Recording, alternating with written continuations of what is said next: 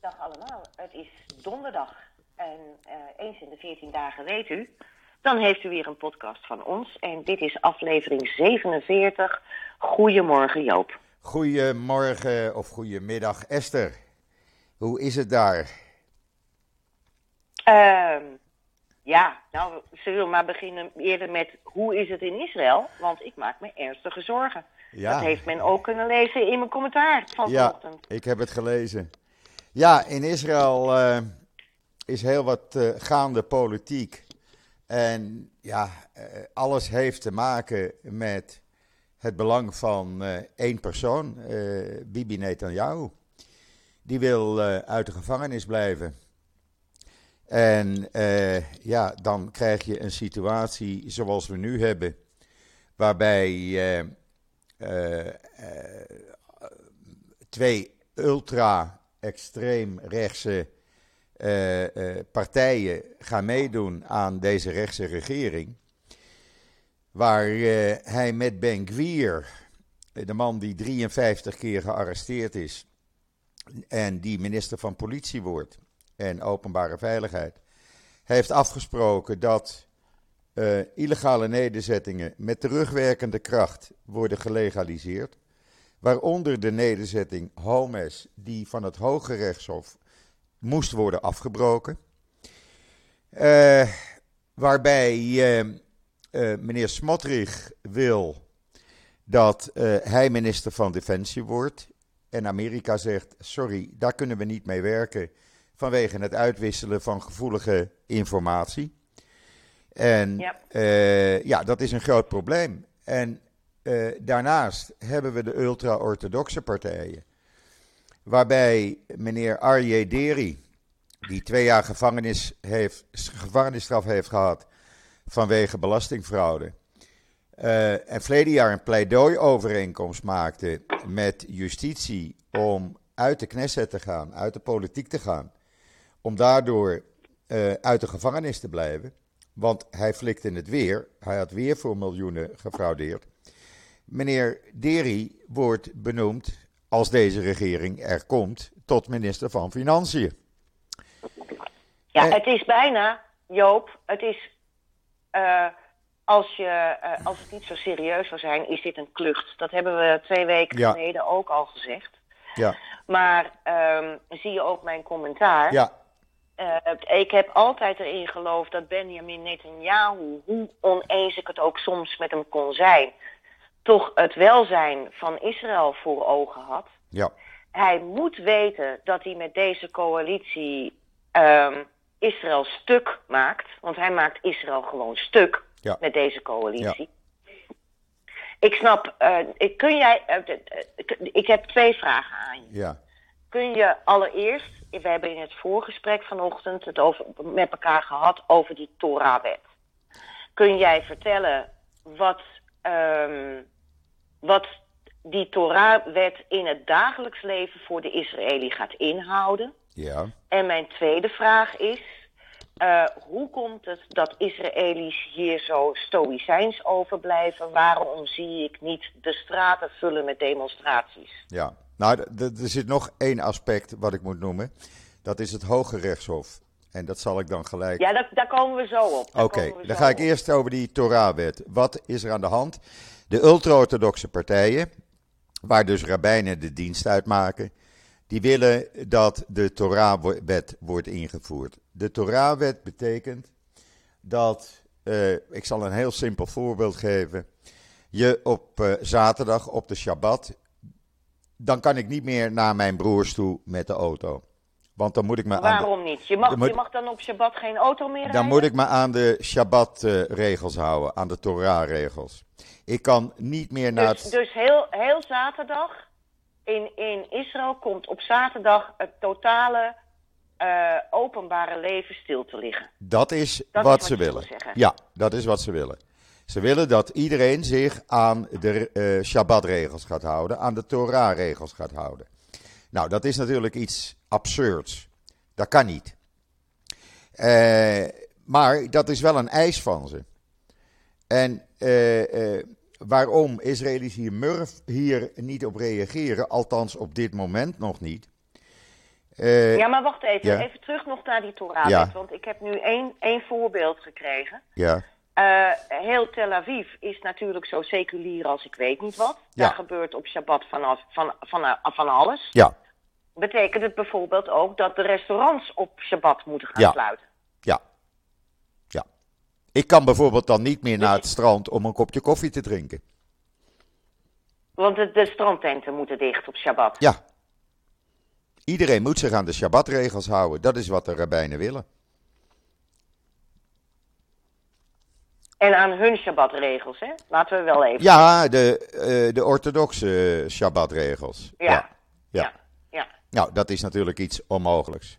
Dat is echt, dat kan niet. Dat dus kan dan, niet. dan, vier je, dan, dan krijg je een, ehm, een situatie iedere zaterdag zoals je die normaal op Yom Kippur hebt. Zie ik dat goed? Eh, ja, min of meer. Ik kan bijvoorbeeld, eh, de kinderen kunnen niet meer naar mij toe komen op vrijdagavond. Of ze moeten hier blijven slapen. Bij wijze van spreken. En voor Shabbat bij je aankomen. En voor Shabbat bij mij aankomen. Dat betekent, eh, zoals nu op vrijdag, voor vier uur smiddags. Want eh, rond vier uur begint de Shabbat al. Dus raken ook een heleboel mensen in een isolement op Shabbat. Absoluut. Absoluut. Ja. Hoe groot acht, acht jij de kans dat die Torah-wet doorkomt, eh, Joop? Nou, laat ik zeggen, hij zal er waarschijnlijk niet helemaal doorkomen. Maar als we deze regering echt krijgen, en dat is nog lang niet zeker natuurlijk, dan zullen een aantal aspecten absoluut doorgevoerd gaan worden. Daar ben ik van overtuigd. En dat betekent dat rabbijnen, eh, ultra-orthodoxe partijen gaan bepalen hoe ik moet leven. En dat, dat wil Ja. ik niet. Maar daar kom ik zo meteen op terug. En dat in combinatie dan. Ja, waarom Israëli's eh, hier niet, nog niet op Precies, dat is reageren? de tweede ja, vraag. dat was jouw tweede vraag. Iedereen, iedereen, iedereen ziet het toch aankomen dat dit één groot drama wordt en dat Israël stuk wordt gemaakt omdat Netanyahu alleen maar met deze partijen in zee gaat omdat hij uit de, de lik wil blijven. Ja, Terwijl die natuurlijk, hij heeft eerder aangeboden gekregen, Netanyahu verlaat de politiek en dan krijg je immuniteit. klopt. Hè? Dan vervolgen je je verder niet. Nee. Daar is hij niet op ingegaan. Nee, Dus dit heeft alleen maar te maken met zijn ego. Dat Absoluut. hij met deze absoluut. partijen in zee gaat. Absoluut. Hij maakt gewoon Israël stuk. Ja, En eh, dat zei ik dus net ook al. Ik heb, eh, ik heb altijd nog wel het gevoel gehad dat Netanyahu eh, deed wat in zijn ogen het best voor het land was. Maar ik begrijp niet dat Israël nu niet doorziet dat hij nu alleen nog maar doet wat goed voor hemzelf is. nou, dat zal ik je proberen uit te leggen. Er spelen twee zaken. Ten eerste zijn de Israëli's murf voor wat de, betreft de politiek. We hebben vijf verkiezingen in nog geen drie jaar gehad. En ten tweede denken eh, een groot aantal Israëli's dat het niet zo ver zal komen. Ik denk dat als men ziet dat dat echt gaat gebeuren, ja, dan breekt eh, hier een revolte uit. Dat kan niet anders. Dat kan niet anders. Maar Ik heb, ik heb ook, ik heb ook eh, contact gehad met andere Israëli's die eh, zich al jaren niets meer aantrekken van de politiek. En eh, die, eh, daar merk ik die murfheid ook. ja, Eh, zo van ze gaan hun gang maar. ja, Maar eh, ja, ik heb wel zoiets van ze realiseren niet, zich niet wat voor enorme inbreuk dit gaat hebben op hun eigen bestaan. ja. Ja, ik heb daar met mijn buren over gesproken bijvoorbeeld. Een, eh, een stel van rond de 40, drie kinderen, geboren en getogen, allemaal hier in Israël. En die, die raakten na de verkiezingen lichtelijk in paniek. Want die weten niet wat ze moeten doen. Maar daar ga ik zo meteen verder op in. Want er speelt nog een aspect namelijk.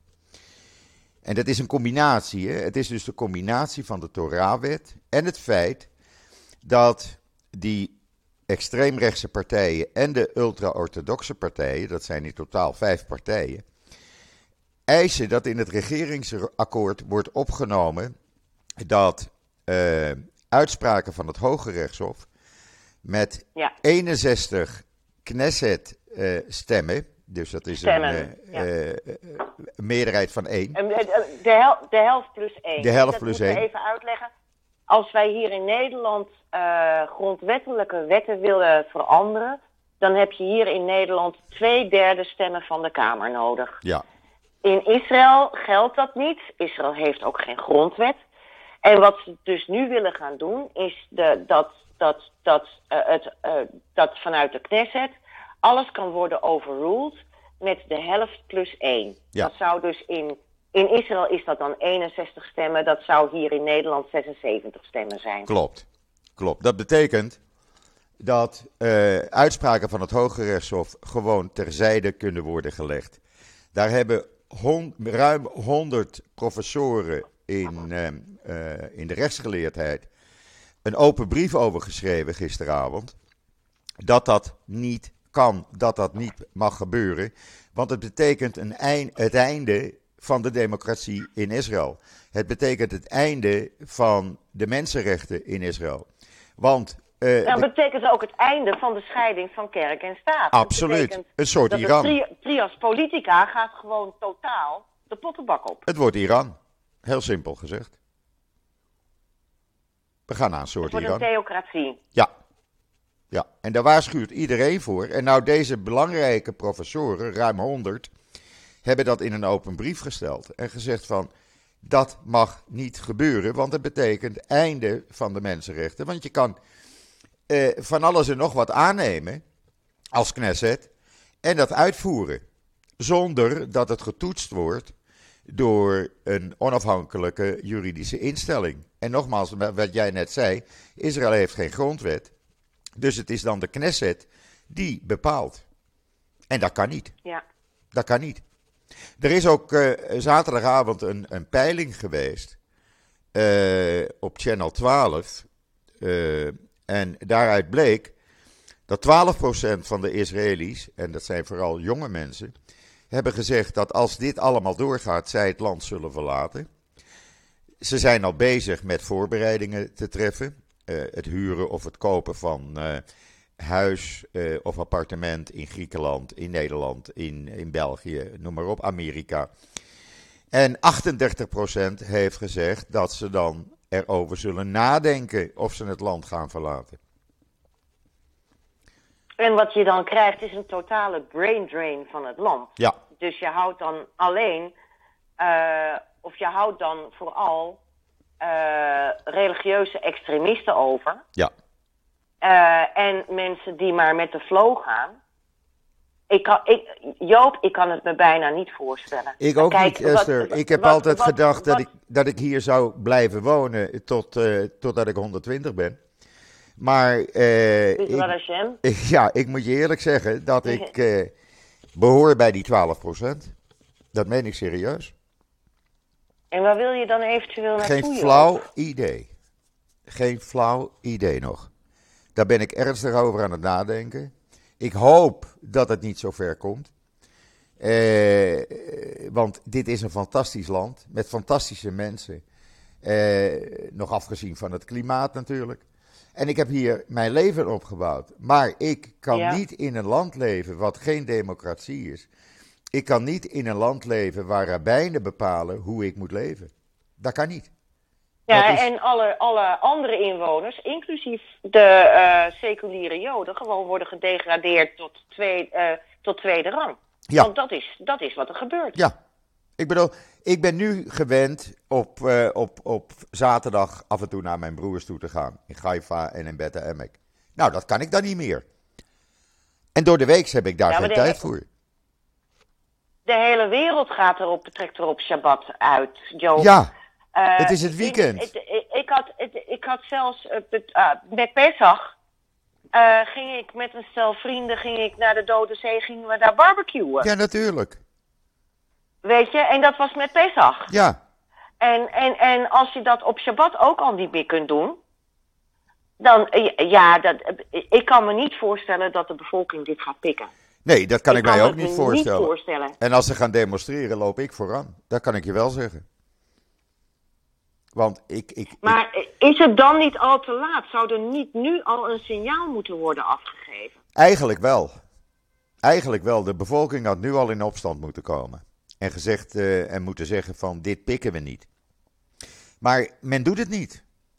Men doet het niet. Maar ik denk ook, ik denk ook Joop, dat de handhaving voor het autorijden of Shabbat is gewoon helemaal niet nodig, mogelijk. Als, uh, als mensen op Shabbat toch auto gaan rijden, dan moet de politie ze allemaal een halt toeroepen. Hoe willen ze dat gaan handhaven? Oké, dat zou misschien niet te handhaven zijn. Maar eh, bijvoorbeeld het sluiten van strandtenten of restaurants, dat is makkelijk te handhaven. Ja.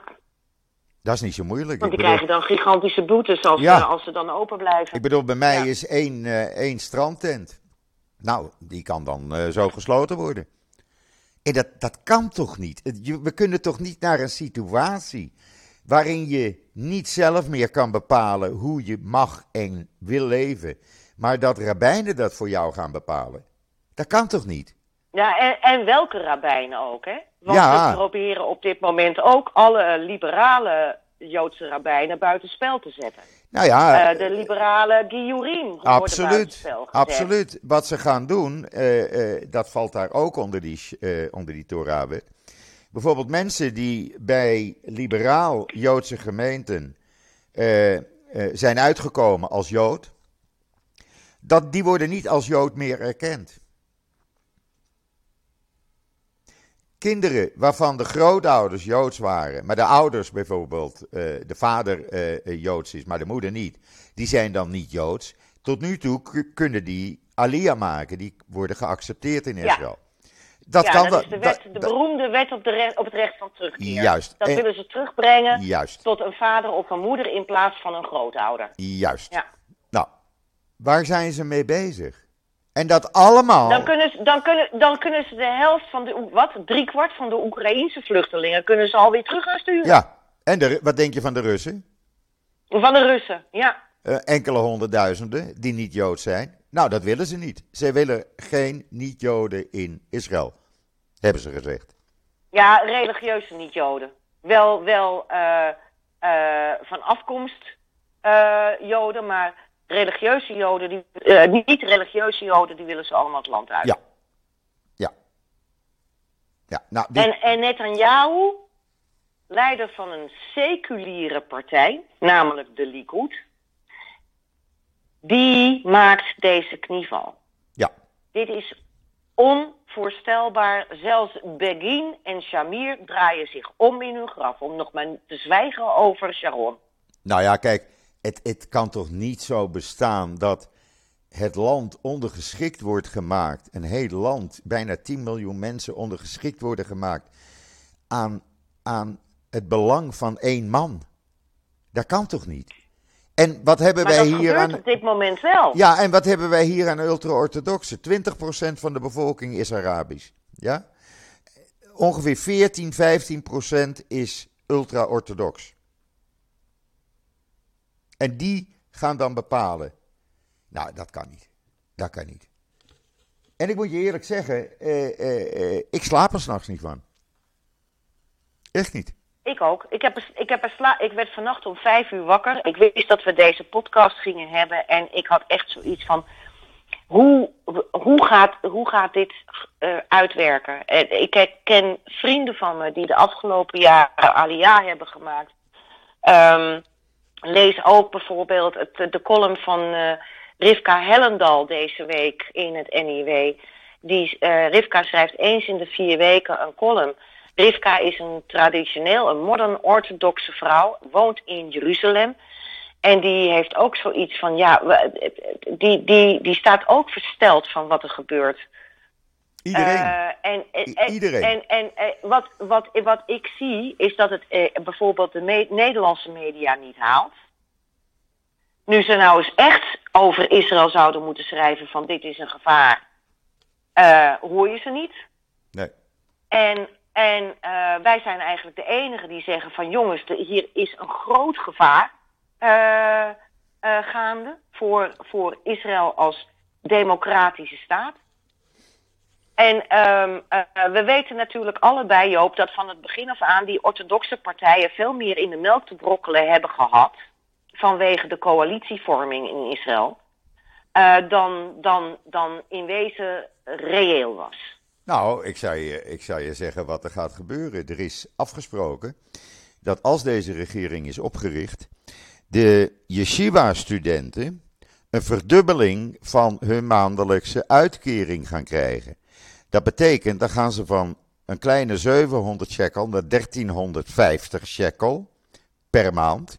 Dat wordt dan aangevuld door. Dat moeten we even, ja, maar dat moet, moeten we even omrekenen, Joop. Want we, je hebt het over shekel, maar onze luisteraars weten niet wat dat. Dus dat, ze krijgen nu. Uh, je moet die 700 shekel delen door 4 Nee, door 3,5. Euro. Door 3,5. 3,5, oké. Okay. Deel het door 3,5. 3,5. Ja. Oké. Okay. Ja, dus dan, en dat, dan, dat, dan kom je. Dat wordt aangevuld tot 2000 shekel door uh, uh, rijke donoren. Dat betekent dat seculiere Israëli's 3 miljard shekel moeten opbrengen het komend jaar om die uh, yeshiva-studenten niet te laten werken. Normaal was dat afgesproken dat het een vast bedrag is. Dus laten we zeggen, het was iets van anderhalf, 1,4 miljard shekel ongeacht het aantal yeshiva-studenten. Nu wordt dat veranderd. Nu is het bedrag, het totaalbedrag wat hiervoor beschikbaar uh, wordt gemaakt, afhankelijk van het aantal yeshiva-studenten. Dus des te meer studenten, des te hoger het bedrag wordt. Dus dat bedrag wat nu 3 miljard is, dat wordt dan volgend jaar 4 of 5 miljard shekel. En dat moet worden opgebracht door seculiere Israëli's. Nou, die gaan dat niet doen. Haaretz schreef daar gisteren... Die, die, die, die, ook, die, die, ook, die ook gewoon, uh, uh, die yeshiva-studenten die niets bijdragen aan de economie, maar dan ook helemaal niets. Nou, 65% uh, van hen werkt en 35% niet. Dat is op dit moment de situatie. Oké. Okay. En, en, en uh, ook nog een keer de orthodoxe vrouwen, de, de, de, de, de ega's van die yeshiva-studenten, die werken zichzelf uit de naad. Ja. Want die hebben vaak een, een, een, ze hebben vaak een enorm gezin van ja. 8, 9, 10, 12, 13 kinderen. Klopt. Dat, die kun je natuurlijk nooit van dat bedrag uh, uh, onderhouden. Uh, je ziet al in orthodoxe kringen dat wordt gezegd: het is echt net Anatevka, if I was a rich man. het, het armoe wordt, wordt religieus nu uh, tot een deugd verheven. Uh, je, als je in armoede leeft, dan is dat een mitzwe. In die orthodoxe kringen. Mm -hmm. uh, want want de, valt, die gezinnen vallen niet meer te onderhouden. Nee, precies. Maar daar komt, nog bij, daar komt nog bij, Esther, dat de aanwas van uh, kinderen bij de orthodoxe uh, Israëli's vele malen groter is dan bij de seculiere Israëli's. Klopt. Het, Klopt, want die hebben gewoon één, twee of drie kinderen. En daar blijft het bij. En bij die orthodoxe uh, gebeurt het elk jaar uh, een kind, bij wijze van spreken. Ja, ja. Dus ja, het zijn allemaal problemen bij elkaar. Ja, want je moet dus alles bij elkaar zien. Dat, ja, dat het leven hier voor gewone, voor gewone mensen, normale mensen zoals jij en ik, onmogelijk gaat maken als dat allemaal doorgaat. Ja. En zij ja. eisen dat gewoon. Nou ja, dat kan gewoon niet. Dat kan gewoon niet. En allemaal vanwege het belang van één man. Ja, want leg dat even uit nog hoe dat zit. Want ik, ik, ik, ik uh, uh, vaar dus in mijn commentaar deze week ook zeer te hoop tegen Netanyahu. Want het is zo unbelievable dat, dat één man zo ongelooflijk veel macht heeft. Uh, men noemt het al het koninklijk paar, hè? Sarah en Bibi. Ja, Sarah is de machtigste. Ja, nou ja, je hebt ook gelezen wat, wat ik heb geschreven in ja, mijn commentaar. Ja, hè? Dat, ja, dat die uitnodiging van, van de, de, kijk, de, de, dat moeten we even ook uitleggen. dat klinkt heel erg als een roddel, maar het is wel zo. op een gegeven Benjamin Netanyahu zit nu in zijn derde huwelijk. En uh, heeft een geschiedenis achter de rug van affaires met andere dames. Zo ook in het derde huwelijk met Sarah. En Sarah heeft gezegd: een derde scheiding overleef je politiek niet. Dus je geeft mij nu een piece of the pie. Ja. Uh, Sarah heeft, wat dat er gaat, uh, Benjamin, nou ja, zeg maar gewoon gechanteerd. Ze heeft hem in de houtgreep. En Zij bepaalt. Ze heeft hem totaal in de houtgreep. Ze bepaalt. Ze staat deze week op een foto met de vrouw van Ben Kvier in notabene het Waldorf Astoria in Jeruzalem. En de vrouw van Ben Kvier draagt daar gewoon een pistool. Ja, ze ontplofte later. Hè? Ze ontplofte later toen het afgelopen was. Ze was des duivels. Ze was des duivels. Maar, maar ze stond er wel op. Ze stond er wel op, ja, ze kon niks anders. Er zat geen andere met mogelijkheid. Drie, met, drie, met drie super-orthodoxe vrouwen. Absoluut. Ze was de enige die geen hoofddoekje droeg. Ja. Of een scheitel of whatever. Ja. Zo van, kijk, ons eens eensgezind zijn. Ja. En we weten allemaal dat, dat Sarah het tegenovergestelde is van die andere vrouwen. Want Sarah kost de shots. Ja. Ja. Het is, het is, het is naar, ook naar buiten toe is het niet te verdedigen, Joop. Het is niet te verdedigen. Het is niet te verdedigen. Het is niet te verdedigen. Nee. Kijk, en, en wat jij al eerder zei, Netanyahu had uh, uh, nog niet zo heel lang geleden, verleden jaar was dat, de mogelijkheid een pleidooiovereenkomst te maken en de politiek te verlaten. Maar dat kon hij ja. niet, want dan had hij een groot probleem met uh, Sarah. Want zij weet te veel van hem. Dat is het probleem. Dus ja, uh, uh, zoek het maar uit. En dan hebben we nog zo'n Jair natuurlijk. Zijn zoon, ja. Ja, die nu weer. Een totale extremist. Die veroordeeld ja. is nu. Uh, hij, hij, ontkomt er niet meer aan. Hij moet gewoon een paar honderdduizend shekel schadevergoeding betalen. Aan iemand die, die voor alles, van alles en nog wat had uitgemaakt. wat helemaal niet waar was. En hij probeerde daar onderuit te komen, maar hij komt er niet meer onderuit. En hij moet nou iets, ik geloof dat het 200, 250.000 shekel is wat hij moet betalen. Dus ja, het is één grote puinhoop. Nou is er vanochtend wel wat nieuws losgekomen na ons gesprek, hè, ons voorgesprek voor dit, deze podcast. En uh, uh, dat moet je ook nog even melden, hè? Want, want ik geloof dat net aan jou nu toch een paar dingen zegt van dat gaat niet gebeuren. Uh, nou, hij heeft niet gezegd het gaat niet gebeuren. Er is een bericht in de Jeruzalem Post bijvoorbeeld. Uh, waar men zegt dat uh, uh, Netanyahu de mogelijkheid overweegt om Smotrich buitenspel te zetten. Dus helemaal niet mee te laten doen.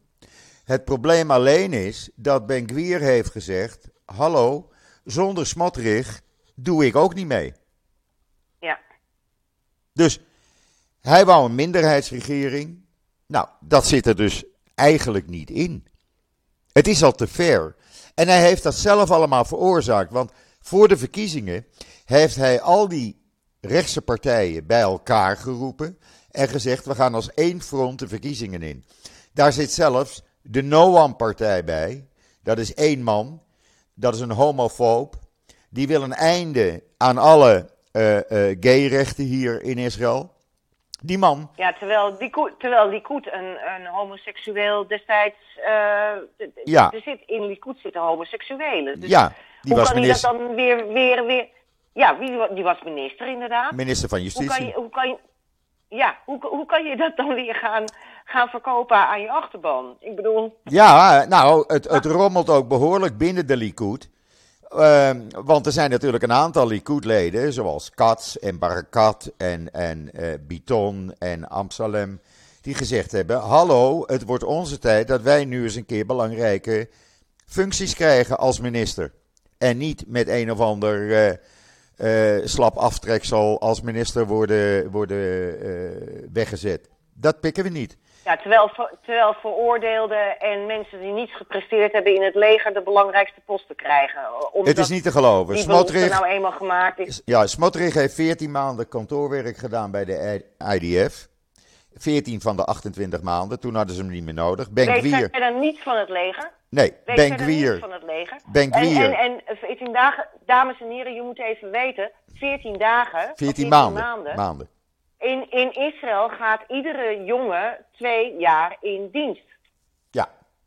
Dus hij heeft niet eens die twee, die twee jaar heeft hij volgemaakt. Nee, Ben Gwier hebben ze. Zo eh, slecht was hij. Ben Gwier wilden ze niet eens hebben. af. Ze hebben gezegd: jij bent te vaak gearresteerd, wij willen jou niet in het leger. En die wordt Ja. nota bene minister van Openbare Veiligheid en Politie. Nou, wat hij wil bijvoorbeeld, hij wil verruiming van eh, eh, de vuurwet. Dat betekent dat als een soldaat vindt dat iemand een terrorist is en een bedreiging eh, vormt, kan hij meteen gericht schieten. Nou, dat hebben we gezien afgelopen maandag waar dat toe leidde eh, in eh Ranana. Er was in, inderdaad een soldaat die iemand verdacht vond. En dat bleek nota bene een Israëli te zijn. En hij schoot hem dood. Ja. En dat is wat meneer Ben-Gvir wil. Ja, het is Oh, echt Joop, één grote puinzooi. Het is één grote puinzooi. Hoe groot... Wacht even. Sorry, ik verslik me. Hoe, hoe groot acht jij de kans dat deze coalitie toch tot stand komt... na wat er vanochtend gebeurd is? Ehm, in Israël is alles mogelijk. Maar ik hoop, laat ik het zo zeggen. Ik hoop dat Lapid en Benny Gans hun belofte verbreken. En eh, dat het gerucht wat nu de ronde doet sinds gistermorgen waar is. Dat er gesprekken zijn tussen de Likud en Lapid en, eh, of vertegenwoordigers van Lapid en Gans. Eh, waardoor die twee partijen dan bij, in een regering Netanyahu zouden kunnen zitten. Waarbij die twee extreme partijen niet nodig zijn en de ultra-orthodoxe partijen minder invloed zouden hebben. Dat zou het enige alternatief zijn, naast het feit van, eh, en dat gaat echt niet gebeuren denk ik, dat Netanyahu zegt, oké, weet je wat, ik treed af, ik ga proberen een pleidooi-overeenkomst nog te maken. Dan trek ik me terug. En dan kan de Likud met Lapid en met Gans en eventueel met een Ja. ultra-orthodoxe partij een normale, normale regering samenstellen. Want als deze regering, zoals die nu bij elkaar gesprokkeld wordt, wordt samengesteld, dan zitten daar ministers. Er zijn nog nooit zoveel ministers dan die veroordeeld zijn geweest. En er zitten eh, eh, kandidaatministers bij die onder strafrechtelijk onderzoek zijn, zoals eh eh, en Biton. Ja, dat kan toch allemaal niet?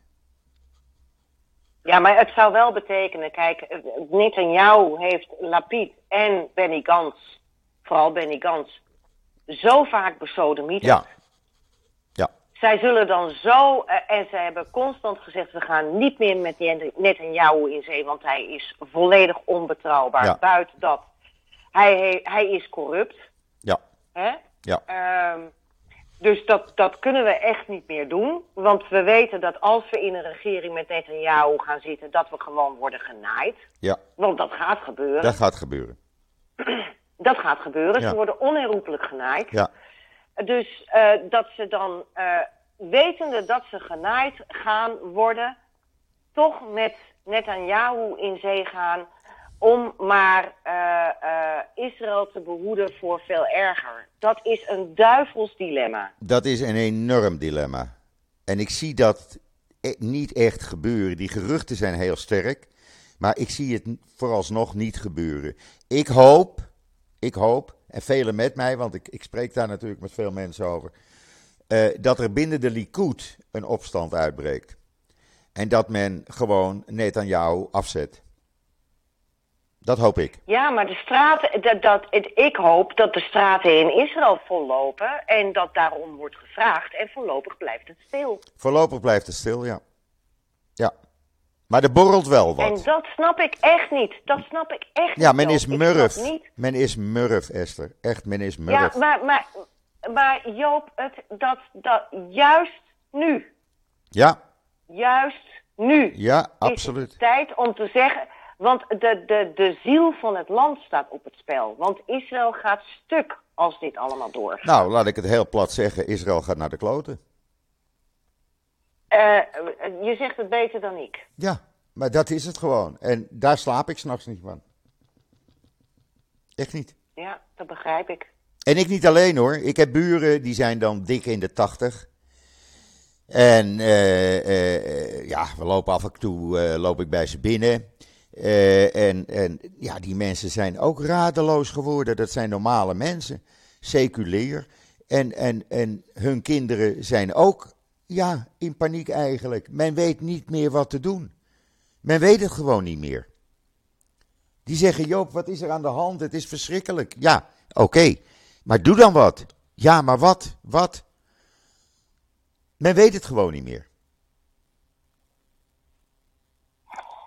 Het is, nou, echt, het, is, het is hopeloos. Het is hopeloos. Het, is echt, uh, het, zijn, het zijn heel uh, donkere en spannende tijden. En uh, laten we hopen, ja, je zou bijna zeggen dat Lapid en Gans over hun schaduw heen stappen. Maar het beroerde is, dat is alleen maar om het ego van Netanyahu dan verder te kietelen. Ja, het enige, de enige oplossing is echt, Netanyahu moet van het toneel verdwijnen. Hij heeft enorm veel voor het land gedaan, maar op dit moment maakt hij het land helemaal kapot. Nou ja, dat is wat ik ook in mijn commentaar Ja, dat heb jij ook geschreven. En dat is, de enige, dat is het enige. Dat is echt het enige. Echt het enige. Barak Ravid, een van de belangrijkste journalisten, jij kent hem ook hier in Israël. Ja, ja, ja. Uh, uh, ik mag van hem af en toe, uh, als ik het belangrijk vind, iets vertalen en online zetten. Dat heb ik ook vanmorgen gedaan. En die legt het ook heel het duidelijk uit. Je hebt het gelezen. En dat is precies ja. wat er aan de hand is. En hij is echt een van de belangrijkste journalisten in Israël. En gisteren in Haaretz een heel artikel. Waarin, uh, ik weet niet meer wie het was, maar ook een van de belangrijkste columnisten van Haaretz. Die schrijft van, net wat jij net zegt. Het volk pikt dit niet meer. Het volk gaat in opstand komen. Dus ja. Maar dat doen ze niet. Dat doen ze nog Vooralsnog niet. niet. Vooralsnog niet, maar het kan zomaar gebeuren. Kijk, ze, ze, ze gingen destijds de straat op voor de beroemde cottage cheese verhoging. Ja, daar heb ik ook aan meegedaan. Ja. En, en dat werkte. Uh, de prijsverhoging in Israël, want daar wilden we het ook nog even over hebben. Dames en heren, dit wordt een lange podcast. Uh, in ieder geval uh, een uur. ja, want, want dat wilde je ook nog even zeggen. Want dus de, de, de, de koopwoningen in Israël zijn ook weer met 20% gestegen. Tot nu toe dit jaar met 19,9% of 19,8% tot nu toe. En wat heel... Kijk, dan gaat er in Nederland heel veel mis voor wat betreft uh, geen huis kunnen krijgen enzovoort. Maar Joop, we hebben dat voorbesproken. Jij wil wel even vertellen wat jij op dit moment voor de huur van jouw woning in Netanya, ja. dus niet in Tel Aviv, nee. betaalt. Ja. Ja, en dat, dan betaal ik nog weinig, moet ik zeggen hoor. Omdat mijn buren heel, of mijn uh, huisbaas is heel, heel aardig. En ik woon hier nu 12 jaar. Jij kent het huis, je bent hier vaak genoeg geweest. Mooi appartement. Het is een mooi, appartement met een mooi uitzicht, ja. uh, alles prima. En daar betaal ik... Dicht bij zee, maar ja. wel in de Tanja. Ja. ja. En daar betaal ik... Uh, niet in Tel Aviv? Nee, niet in Tel Aviv. En daar betaal ik uh, dik in de 1600 euro voor. Maar dan komt er nog eens een keer een paar honderd euro servicekosten bij. En dan komt er nog eens een keer gemeentebelasting bij. Uh, en dan zit je bij elkaar op zo'n uh,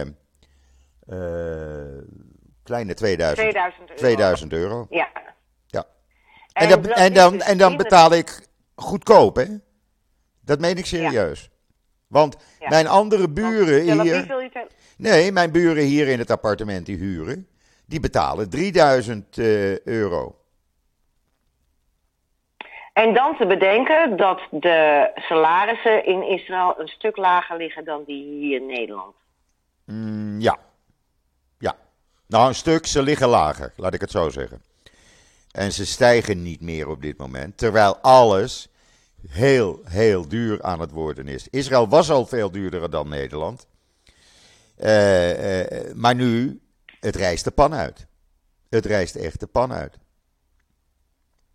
En we hebben het net even over jouw kadetjes gehad. Dat heeft ook mede te maken met het feit dat het graan niet meer uit Oekraïne jullie kant op komt. Hè? Ja, die zijn, in jij... die zijn in twee maanden tijd in prijs verdubbeld. Ja. Van nou hebben we daar hier in Nederland ook mee te maken. En wij klagen als steen en been. Gelukkig hebben jullie geen energieprijsverhogingen zoals we die hier hebben. Nou, wij hebben in februari uh, is de energie uh, eh, 8,5% omhoog gegaan. Dus... Ja, dat is natuurlijk in, staat in geen vergelijk met wat hier in Nederland gebeurt. Nee, nee, nee, nee, absoluut niet. Nee, maar, maar even, uh, even op een hoop gegooid met de rest van de kosten, hè, wat we hier betalen. Ik bedoel, uh, het was al vele malen duurder dan Nederland. En het is nu weer vele malen duurder dan in Nederland. Terwijl in Nederland de prijzen ja. ook enorm stijgen. Ja. Kijk, er zijn hier een paar families die importen doen van levensmiddelen. En die bepalen de prijs. En die verdienen er dik aan. En er is niemand die daar iets tegen kan doen op dit moment. Het is een soort oligarchie geworden, hè? Ja, het is, het is echt niet normaal. Het is echt niet normaal. Echt, ik, ik, ik, ik, ik, spreek met de kinderen van uh, Michel. En uh, ja, die, uh, die werken allebei. ze, drie kinderen, en ze zijn alle drie getrouwd, hebben kinderen. En die man en vrouw werken. Nou, die kunnen maar net de, de eindjes aan elkaar knopen. Ja, en er zit al een heel groot deel van de Israëlische bevolking onder de armoedegrens. Ja, er kwam gisteren een CBS-rapport uit, waaruit blijkt dat ruim 28% 28,5% van de Israëli's uh, de maandelijkse eindjes niet meer aan elkaar kan knopen. Maandelijks uh, duizenden shekels tekort komt. En uh -huh. iets van 36% uh, speelt net Kiet. Die houdt dus niks ja. over. Dat is de situatie. Nou Joop, uh, ongetwijfeld hebben we over 14 dagen hierover weer meer nieuws. Ja. Um, ik, ik zit ook naar de tijd te kijken. We hadden nog wat andere zaken te bespreken. Ja, in het NIW, ja. Ja, zullen we dat nu eventjes ja, doen? Doe want maar. anders lopen we helemaal uit tijd. Nee, want het is belangrijk uh, dat, uh, dat men weet wat er in het NIW staat. Bu buiten gewoon uh, ook natuurlijk nieuws over wat er nu in Israël gebeurt, kunt u natuurlijk altijd lezen in het NIW. Hebben wij ook een artikel. Ehm, maandag werd ik gebeld door een aantal bewoners van aanleunwoningen in Bet Shalom het, uh, naast het meester Visserhuis het enige Joodse bejaardentehuis, verzorgingstehuis in Nederland. Uh, meester Visserhuis zit in Den Haag. Bet Shalom is ja, het bejaardentehuis, het verzorgingstehuis in Amsterdam Buitenveldert. Uh, daar gaat iedereen naartoe. Daar zijn een aantal aanleunwoningen en er zijn um, er dus echt een verzorgingstehuis voor mensen die zichzelf niet meer kunnen verzorgen. Joods over het algemeen. Als niet-Jood ben je ook welkom, maar het is een Joods bejaardentehuis. En uh, Joop, uh, ik werd dus gebeld. Nou, ik heb inmiddels zeven telefoontjes gepleegd naar iedereen over deze zaak. Maar als er iets is waar Joden een hekel he aan hebben, dan is het aan bekeringsdrang van mensen die denken dat Joden christen of moslim of wat dan ook moeten worden. En wat is er nou gebeurd? Er is een koor in Bet Shalom toegelaten.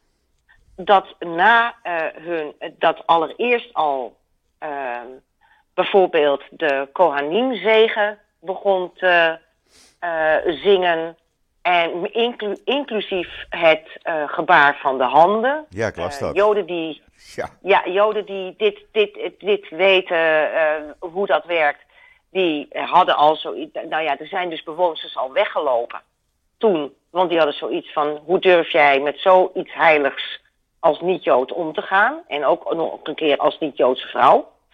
Eh, eh, dus eh, complete toe-eigening van heilige zaken in het Jodendom. Maar dit koor begon ook na afloop te proberen mensen te bekeren. Met ken jij Jezus? En weet ik veel. In het hart van het Joods verzorgingstehuis Bet Shalom. Ja, niet normaal. Niet normaal. Het is toch niet te geloven? Het is niet te geloven dat dit En, kan. en, en daar was dus blijkbaar geen controle op, want dat koor heeft wel drie keer gezongen. En pas toen het NIW zich ermee begon te bemoeien en zeggen van, "Da- dames en heren, dit kan toch niet. Toen was het ineens, oh ja, mea culpa, mea culpa. Ja, Maar er, zit, er zitten dus in het verzorgingstehuis van Shalom zeer kwetsbare mensen. Vaak al redelijk richting dementie. En eh, die worden dus blootgesteld aan dit soort mensen. En weet je waar het mij aan deed denken, Joop? Dat heb ik Ja. niet in het artikel geschreven. nee.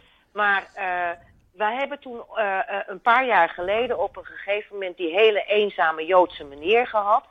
Die thuiszorg kreeg ook van een, iemand van Kordaan. Ja, Bet Shalom staat nu onder, ja, is onderdeel van Kordaan. Hè? Dat is een Ja. groot verzorgingsspeler. en eh, die man was zo eenzaam, die werd door een Kordaan-medewerker, moslim, bewerkt om eh, uiteindelijk in zijn rolstoel de blauwe moskee ingereden te worden. Ja. En als Jood zich te bekeren tot de islam. het is er niet normaal. En, en, en eh, het grote verschil tussen Jodendom en islam en christendom is dat Joden niet aan bekeringsdrang doen. Het tegenovergestelde zelfs. Ja, En, eh, eh, maar tegelijkertijd, waar we een broertje aan dood hebben, is dat eh, mensen gaan proberen ons te bekeren. En dat is ook een van de goede dingen bijvoorbeeld van Christenen voor Israël. Dat doen ze niet. nee, absoluut niet. Daar werken ze niet aan mee. Nee, En, eh, en dan kun je samenwerken. Maar dat zo'n koor dus tot drie keer toe is geïnfiltreerd, want zo zie ik dat, in Bet Shalom, ja. vind ik een schande. Een en ik hoop schandaal. dus daadwerkelijk, ik hoop dus daadwerkelijk dat Cordaan zich aan zijn woord houdt van, oh jee, dit was een foutje en we zullen het nooit meer doen. Maar wij gaan dit wel in de gaten houden. Absoluut, dat zal absoluut moeten gebeuren, want ja, dat, dat kan gewoon niet. Dat mag gewoon niet. Klaar. Jij weet ook hoe, hoe gevoelig dat ligt, Joop. Ja, het ligt heel gevoelig. en dan vooral om kwetsbare mensen te benaderen. Ja, nee, nee, nee. Ik vind het schandalig. Het is een schandaal. Het is een schandaal. Het is echt een grof schandaal. Ik vind het verschrikkelijk. En helemaal voor, die, voor die mensen. Die weerloos zijn. Ja. Ik bedoel, Ja. dit kan niet. Nee. Ik hoop, ik hoop ook dat de kinderen van die mensen ook bij eh, In actie komen. aangeven dat dit, dat dit echt nooit meer mag gebeuren. Nee. Ik raad iedereen aan dat artikel ook te lezen. Ik heb het, eh, eh, ik heb het gelezen, want je stuurde mij het PDF toe. En ik raad iedereen aan om het te lezen, zodat je het ook begrijpt. Ja. Onvoorstelbaar. Ja, dit is niet normaal. Niet, eh, ik weet niet meer in wat En, voor nou wereld ja. we leven hoor, tegenwoordig. Maar eh, het, het wordt van gekker eh, hoe gekker. Joop, we hebben hier ook onze grote uitdagingen. Ja. En ehm, het, het rommelt hier ook aan alle kanten. Maar zo gek als we het op dit moment in Israël maken, is het nog niet zo ver hier. Zullen Nee, zeggen. nee, nee. En het, het, het, het, het, het rare is, het verandert hier van uur tot uur. Hè. De, ik volg natuurlijk Hebreeuwse kranten, Hebreeuwse televisie, eh, eh, Engelstalige kranten. En ja, eh, je leest de gekste verhalen en, en de gekste geruchten doen de ronde. En je weet gewoon niet meer waar je nog aan toe bent. Ja, dat is natuurlijk vaker zo. Maar ja, dat betekent in ieder geval dat de zaak fluïde is. Ja, En laten we hopen dat het niet zo ver zal komen. laten we hopen. Toch? Laten we hopen dat het een, eh, eh, blijft zoals het was. En dat we normaal kunnen leven hier.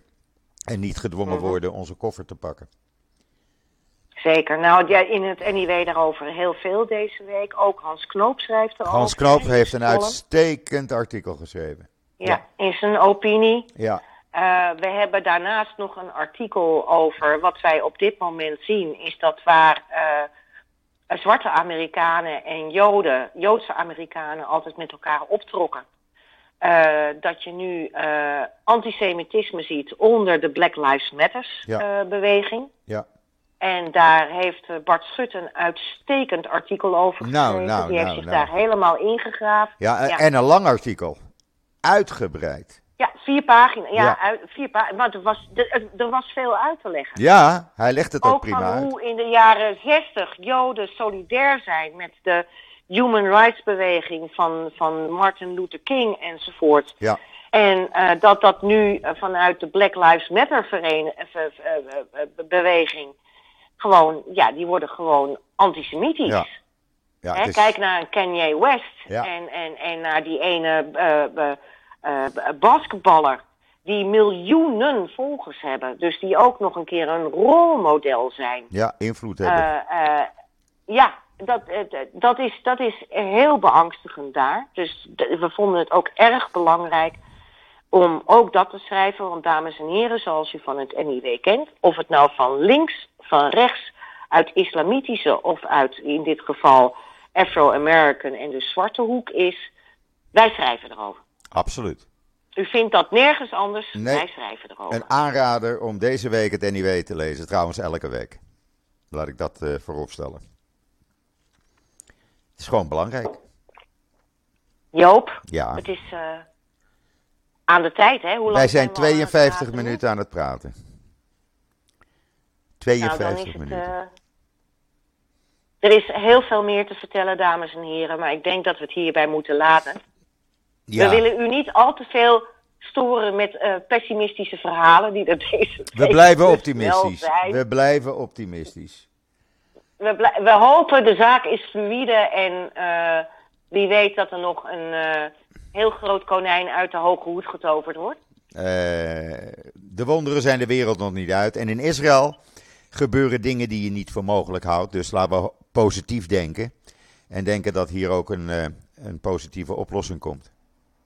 En dat we Ja, normaal zoals, door kunnen eh, gaan met ons leven. Zoals de Ben Gurion zei, eh, wie niet in wonderen gelooft is geen realist. Precies. Nou, laten we ons daar maar even aan ophangen. Ja, we hebben geen andere Eh, mogelijkheid. Nee, Dus ik, nee. ik blijf ik kan me positief. voorstellen dat jij, het- ik kan me voorstellen dat jij op dit moment met heel veel zorg kijkt. Ja, En iedereen die Israël lief is, zou dat ook moeten doen. ja. Nou, dat begrijp ik ook uit de reacties hoor. Dat veel mensen zich zorgen maken. Dus ik sta niet alleen gelukkig. En eh, ja, steun, eh, steun helpt. Laten we het zo zeggen. Mhm. Dus ik hoop dat daar eh, aan deze zagen snel een einde komt op een positieve manier. En dat we een, een normale democratie blijven hier. Waar je normaal kan leven zoals je wil leven. Nou ja, het is natuurlijk wel al, de signalen worden al afgegeven hè, vanuit het Wit- Witte Huis. Ja, ja, Eh, maar ook, eh, erg belangrijk, William Daroff, eh, die ik goed ken, een ontzettend fijne vent. William Daroff is de voorzitter van de Conference of Presidents. ja. Een heel belangrijke club. En die heeft ook zo, al zijn waarschuwingssignalen afgegeven. Klopt. Dus ik hoop dat daarnaar geluisterd wordt. Ik mag het hopen. Echt, ik mag het hopen. En dat men in opstand komt hier. Nou, dat ook vooral. Ja, Ja. De- de- kijk, kijk de- het, punt is natuurlijk altijd. Er is heel vaak gezegd: als Israël geen dreiging van buitenaf zou hebben, zou het zelf uit elkaar vallen. ja, Nou, ehm, met ook de Abraham-akkoorden heeft Israël steeds minder vijanden. Iran blijft natuurlijk overeind. Maar Israël heeft steeds minder vijanden. En wat ook op dit moment in Iran gebeurt. En het feit dat Iran, net als de Palestijnen, in het Oekraïnse conflict eh, eh, partij hebben gekozen voor eh, Rusland. Ehm, daardoor ziet de wereld ook dat, dat dit gewoon eh, leidingen, eh, leiders zijn die eh, helemaal fout zitten. Kijk ook even naar de tweet van Paul Slettenaar eh, vandaag, die het heeft over eh, wat Denk doet op dit moment in de Tweede Kamer. Ehm, eh, dus dus er, er wordt wel goed naar gekeken. Ehm, eh, maar wat wilde ik zeggen? Ik ben de draad kwijt. Ja, Israël heeft steeds minder Minder vijanden. vijanden van buitenaf. En dan gebeurt het van binnenuit. Maar de vij... Juist, de vijanden van binnenuit, die worden steeds groter. Ja, En dat is zeer zorgwekkend. absoluut. Absoluut. Maar laten we positief eindigen. Gewoon Laten we positief. hopen dat we over 14 dagen, voor over 14 dagen, beters te melden hebben dan dat we vandaag hebben gedaan. Absoluut. Daar gaan we voor. En die kansen zijn er. Die kansen zijn er. Ja. Zolang er nog geen regering is, is nog alles mogelijk. Zo is dat. Dus eh, ik denk dat ik eh, jou en iedereen eh, een Shabbat Shalom ga wensen. Ik doe met je mee. dan hebben we ik een uur, bijna een en uur vol gepraat. Dan hebben we bijna een uur Ja. vol gepraat. Dus Shabbat Shalom voor iedereen. Een mooi weekend. We hebben hier op dit moment een enorme regenbui, maar het weekend wordt eh, heerlijk weer. Eh, strandweer, Oh, zou wij ik haast hebben zeggen. vandaag alleen maar regen, Joop. Wij Ja, hebben vandaag alleen maar regen. Ja, maar hier komt het echt met bakken bij mij uit de, uit de hemel op dit moment. De straten staan blank. Nou ja, goed voor het land. het is goed voor het land. En morgen en zaterdag en zondag is het weer eh 5, 26 graden. Dus eh, we kunnen weer genieten. Heerlijk. Oké, Esther. Heerlijk. Heb een goed weekend. Hey, Shabbat shalom iedereen. En mochten er ontwikkelingen zijn die eh, echt eisen dat wij eerder weer een podcast opnemen, Daar gaan we ervoor. dan zullen we dat doen. Absoluut. Daar gaan we voor. Yes. Oké. Shabbat shalom. Shabbat shalom allemaal. bye bye.